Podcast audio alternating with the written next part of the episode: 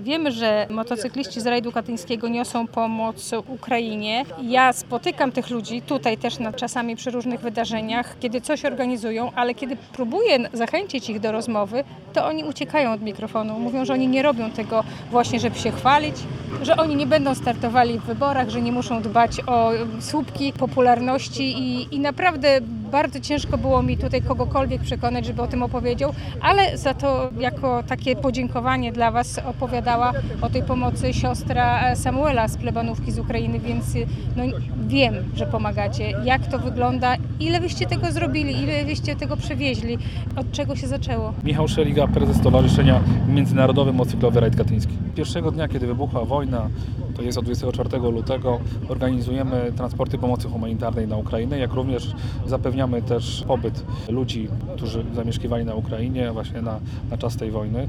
Między innymi tu właśnie ziemia podlaska bardzo mocno tutaj w tym zakresie pokazuje, że rzeczywiście ta pomoc dociera, ponieważ mamy tutaj swoich członków, którzy pięknie działają. Chciałbym w tym momencie wymienić kolegę Bernarda Leoniaka z firmy Verifis, który naprawdę wiele pracy i pomocy świadczy, aby do tych najbardziej potrzebujących te niezbędne rzeczy, takie jak żywność, leki, medykamenty, odzież dotarła i też również za- zapewnia nocleg ponad 30 osobom. To jest naprawdę olbrzymia pomoc. Pragnę tutaj też wyróżnić osobę kolegi Artura Tchórzewskiego z okolic Siedlec, który też bardzo mocno pomaga, jeśli chodzi o, o transport darów i no i oczywiście burmistrza Drohiczyna i wielu, wielu innych. Dlaczego mówię o tych osobach? Ponieważ stowarzyszenie nasze liczy ponad 120 członków. Ja jako prezes tego stowarzyszenia codziennie zdaję sobie sprawę, jakich fantastycznych ludzi mamy, którzy naprawdę nie robią tego dla poklasku. Robią to po to, żeby pomóc drugiemu człowiekowi, aby dotrzeć do, do tych osób, które niekoniecznie w sposób jakby ten oficjalny mogą liczyć na pomoc, czy tudzież mieszkają w takich miejscach, gdzie pomoc nie dociera do tych jakby głównych organizacji humanitarnych. Tutaj rzeczywiście trzeba powiedzieć, że skromność naszych ludzi, którzy na przykład już po 20-30 razy byli na Ukrainie z pomocą jest bardzo duża, ponieważ ci ludzie narażając własne życie nie oczekują nic w zamian. Oni tam jadą z potrzeby serca, mimo tego, że naprawdę jest trudno, bomby latają nad nimi głowami, ale oni jadą dalej, żeby pomóc drugiemu człowiekowi. I w tym wszystkim e, cieszę się, że mamy tak fantastyczne osoby, które, które tworzą tą naszą organizację, a mi jako prezesowi jest tylko tyle, że mogę tylko tyle powiedzieć, że każdego dnia zdaję sobie sprawę, jak ta nasza organizacja, która zaczynała od typowego ruchu motocyklowego się pięknie rozwija i pokazuje to znaczy człowieczeństwo, a przede wszystkim pokazujemy, co znaczy dla nas nasze motto. Kocham Polskę i Ty ją kocham.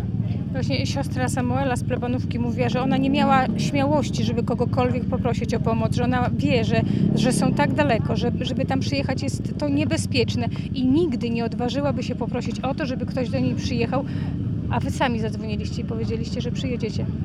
Znaczy, jeśli chodzi rzeczywiście o plebanówkę, to sytuacja dla nas była od pierwszego dnia wojny jednoznaczna, ponieważ jest to miejscowość w obwodzie winnickim, no w miejscu, gdzie nie ma większego miasta dookoła.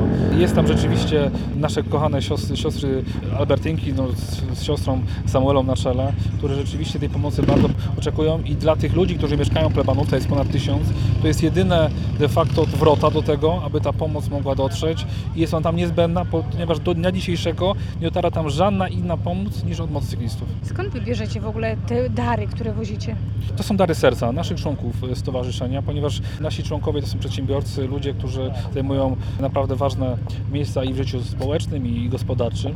Natomiast też bardzo mamy wielu darczyńców, którzy kontaktują się z naszymi osobami odpowiedzialnymi za pomoc sanitarną w stowarzyszeniu i przekazują dary. Mamy też ponadto dobre kontakty z organizacjami pomocowymi w Polsce i też sami im pomagamy wywozić pewne towary. Jakoś staramy się tak to łączyć, aby ta pomoc, ale zaznaczam, że ta pomoc kierowana, nie pomoc ogólna, tylko kierowana, gdzie jest zapotrzebowanie na leki, na żywność, to dokładnie idzie tam, gdzie to ma trafić, więc staramy się odpowiadać na te potrzeby, które są pokazane. Oczywiście tych potrzeb jest bardzo dużo, bardzo dużo jest miejsc do pomocy.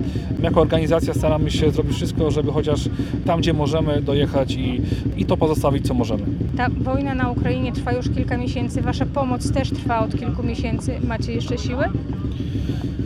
Oczywiście, że mamy, taka powinna być odpowiedź, ale oczywiście są też gorsze elementy, kiedy z uwagi na no, też kosztochłonność tego wydarzenia i tej pomocy musimy zbierać e, te środki, żeby na, na przykład opłacić paliwo, czy jakby zapłacić za te towary, które wieziemy. Natomiast nie poddajemy się, fantastyczne osoby, ale przede wszystkim ten uśmiech tych ludzi, do których to trafia, daje nam tak zwanego kopa do tego, żeby jeszcze lepiej pracować i więcej pomagać. Natomiast oczywiście dostrzegamy to może nie w naszej organizacji, ale, ale generalnie w społeczeństwie, że temat pomocy ofiarom wojny na Ukrainie troszeczkę się robi taki, normalizuje, co według mnie nie powinno mieć miejsca, powinniśmy pomagać, ponieważ Przyzwyczajamy się do tego, że tak, jest no wojna. właśnie, no właśnie to jest chyba najgorsze, co może być, bo w naszym dobrze pojętym interesie narodowym jest to, żeby ta wojna oczywiście zakończyła się jak najszybciej zwycięstwem Ukrainy, natomiast my musimy robić wszystko, żeby ci ludzie, którzy naprawdę są postawieni nieraz sami sobie, mieli chociaż ten kawałek chleba od nas, żeby, no, żeby te negatywne skutki były jak najmniejsze dla nich, tej wojny. I będziecie to robić nadal. Tak, oczywiście będziemy to robić, mimo tego, że, mamy organizację jeszcze rajdów